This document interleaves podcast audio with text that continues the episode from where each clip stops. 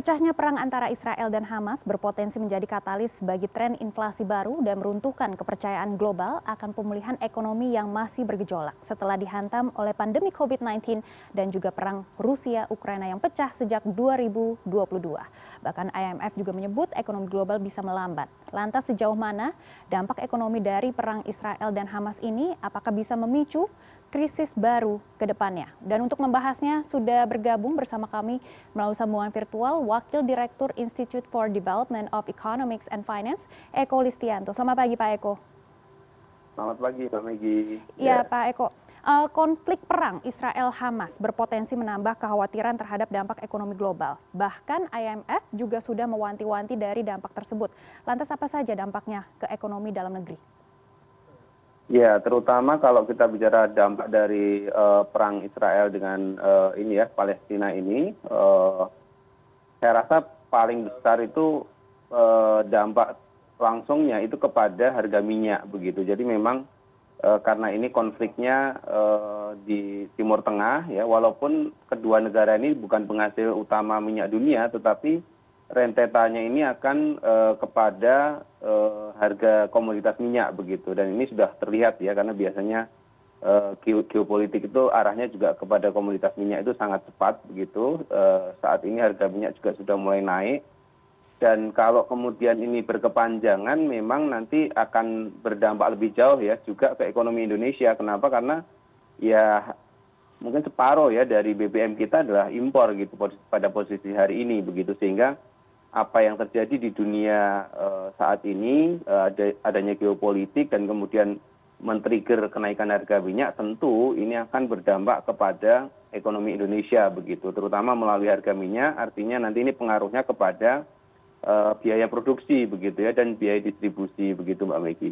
Baik, seperti yang Anda sebutkan, ini harga minyak mentah sudah melonjak sebesar 4 persen pada perdagangan Senin minggu ini dan instrumen seperti emas dan juga dolar Amerika Serikat pun juga ikut terapresiasi di tengah memanasnya perang Israel dan Hamas. Bagaimana Pak dampaknya selain harga minyak, apakah nanti ke Indonesia juga banyak sekali harga-harga yang akan melonjak?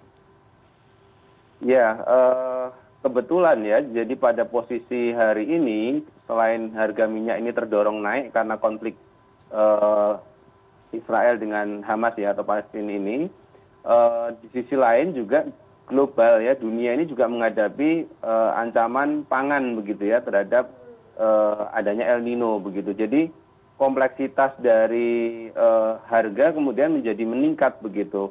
biaya produksi meningkat, suplainya turun dan ya pada ujungnya nanti juga akan mengancam daya beli begitu. Nah ini yang terjadi. Sehingga memang kalau e, bicara soal dampaknya kepada ini ya ya aspek kesejahteraan begitu itu kelihatan sekali. Makanya kemudian di sisi lain para orang-orang yang berpunya katakanlah punya uang banyak ya mengalihkan e, investasinya begitu ya kepada bentuk produk yang istilahnya safe haven ya yang lebih aman begitu. Misalkan kayak menaruh di dolar ya dolar Amerika ataupun juga di emas tadi sehingga harganya juga ikut terangkat naik begitu ya dari perilaku eh, perubahan perilaku dari investor investor ini begitu mbak Megi jadi memang ini kelihatannya memang dampaknya akan terasa ya cuma sejauh mana ini juga masih akan ditentukan oleh bagaimana eskalasi perang ini akan terjadi begitu.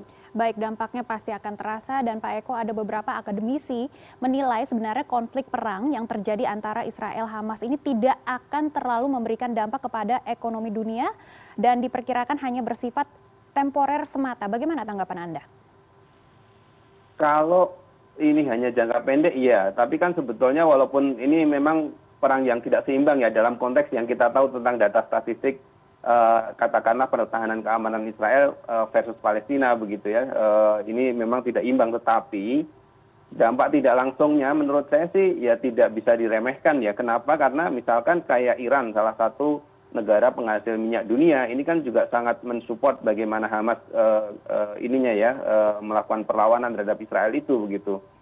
Konteksnya nanti itu akan menjalar kepada harga minyak begitu. Nah, sepertiga dari uh, suplai minyak dunia ini dari uh, Timur Tengah begitu. Kalau kemudian ini terus uh, memanas ya tentu saja nanti akan mempengaruhi harga minyak gitu. Memang tidak secara langsung ya akan katakanlah menghantam ke perekonomian global tapi kalau secara tidak langsung kemudian terus menerus menggerogoti optimisme pertumbuhan ekonomi ya ujung ujungnya sebetulnya memang bisa menurunkan ya tingkat pertumbuhan ekonomi global begitu. Terutama dari harga tadi kemudian tertransmisi kepada inflasi ya. Inflasi global saat ini tanpa adanya perang ini itu sudah tinggi begitu ya. Bahkan mungkin sekarang mungkin tahun ini hanya bisa mencapai enam setengah persen ya. Jadi masih tinggi gitu. Jadi gambarannya ketika kemudian ditambah dengan geopolitik yang semakin memanas dan kita tahu Rusia Ukraina juga belum ada penyelesaian kan sampai titik ini gitu ya. Jadi akumulasi ya dari berbagai peristiwa katakanlah uh, keamanan ini begitu ya geopolitik ini ditambah dengan uh, faktor alam yaitu El Nino yang melanda hampir sebagian negara-negara tropis ya seperti India, Indonesia dan ya ASEAN lah secara umum gitu ya. Ini tentu kalau dikalkulasi secara lebih jauh ya akan berimplikasi kepada perekonomian begitu dan Indonesia secara kebetulan baik dari energi maupun pangan juga masih sangat tergantung dari negara lain. Nah di, di sinilah konteks kenapa kemudian kita juga harus melihat uh, eskalasi perang Israel dan Hamas ini lebih jauh begitu. Baik Pak Eko, uh, tentunya kami juga sangat sedih ya atas kehilangan nyawa terutama korban warga sipil di sana. Namun dari setiap krisis ataupun tantangan pasti ada peluangnya. Nah, apa saja peluang dari konflik perang Israel-Hamas? Peluangnya, uh, ya kalau di, Indonesia sebenarnya kecil ya, ini lebih banyak kira-kira buntungnya daripada untungnya sebenarnya begitu ya. Tentu saja di luar konteks kemanusiaan dalam konteks ekonomi, mungkin bagi masyarakat kelas atas uh, beberapa opsi misalkan ke safe haven tadi itu atau yang sudah punya dolar banyak atau punya emas banyak yaitu menjadi ini ya pada posisi hari ini itu nilainya meningkat gitu kan artinya mereka diuntungkan ya dalam kondisi ini ya ada windfall di situ gitu. Tetapi di sisi lain uh, agak berbeda sepertinya ya. Kalau saya lihat perkembangan di komoditas lain katakanlah batu bara atau beberapa mineral yang lain sepertinya lonjakannya tidak sekencang uh, minyak gitu harga minyak global begitu. Artinya kalau kemudian eh, walaupun ya kalau harga minyak terus menerus naik nanti juga akan menghit atau katakanlah mendorong kenaikan juga di harga batu bara begitu. Tapi kalau harga batu bara nggak meningkat tajam biasanya Indonesia nggak dapat manfaat banyak ya dari peningkatan komoditas global. Jadi mungkin ada tapi memang belum kelihatan ini ya signifikan ya kalau saya lihat ya dari beberapa perkembangan komoditas selain minyak begitu. Ya kita harapkan ini segera selesai lah begitu ya atau katakanlah mereda sehingga pemulihan ekonomi global yang sebetulnya arahnya sudah semakin baik karena tahun ini bahkan diperkirakan akan banyak resesi tapi ternyata tidak juga terjadi resesi ya di global sehingga uh, saya rasa ya mudah-mudahan ini segera berakhir sehingga optimisme kita ya tahun ini bisa katakanlah untuk global itu bisa mencapai tiga persen dan tahun depan bisa harusnya lebih tinggi walaupun banyak prediksi karena eskalasi perang ini ya diturunkan ya uh, outlook tahun depan itu bahkan lebih rendah dari proyeksi tahun ini begitu untuk pertumbuhan ekonomi global. Jadi ya ini sebenarnya lebih banyak ruginya ya namanya juga perang begitu. Kalaupun ada keuntungan ini hanya segelintir lah gitu pada sektor tertentu saja. Baik. Pak Eko terakhir, uh, berdasarkan data yang Anda dapatkan, langkah-langkah apa saja yang harus diambil untuk mencegah dampak ekonomi dari konflik perang antara antara Israel dan Hamas?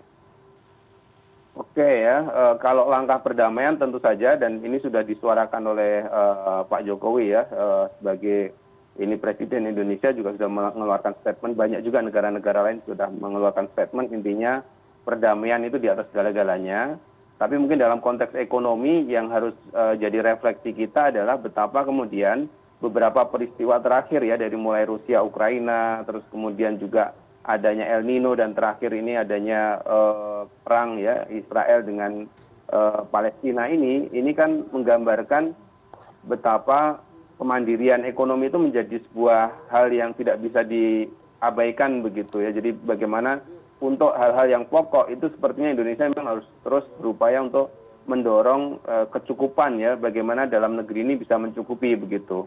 Eh, termasuk juga dalam konteks energi konteks pangan begitu. Sehingga ya mudah mudahan nanti ke depan kita punya strategi yang lebih baik ya untuk bisa memastikan kalaupun ada gejolak global itu tidak sampai rentetannya sangat dalam begitu kepada ekonomi Indonesia.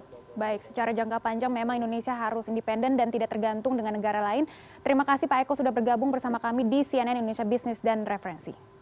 ya sama sama mbak megi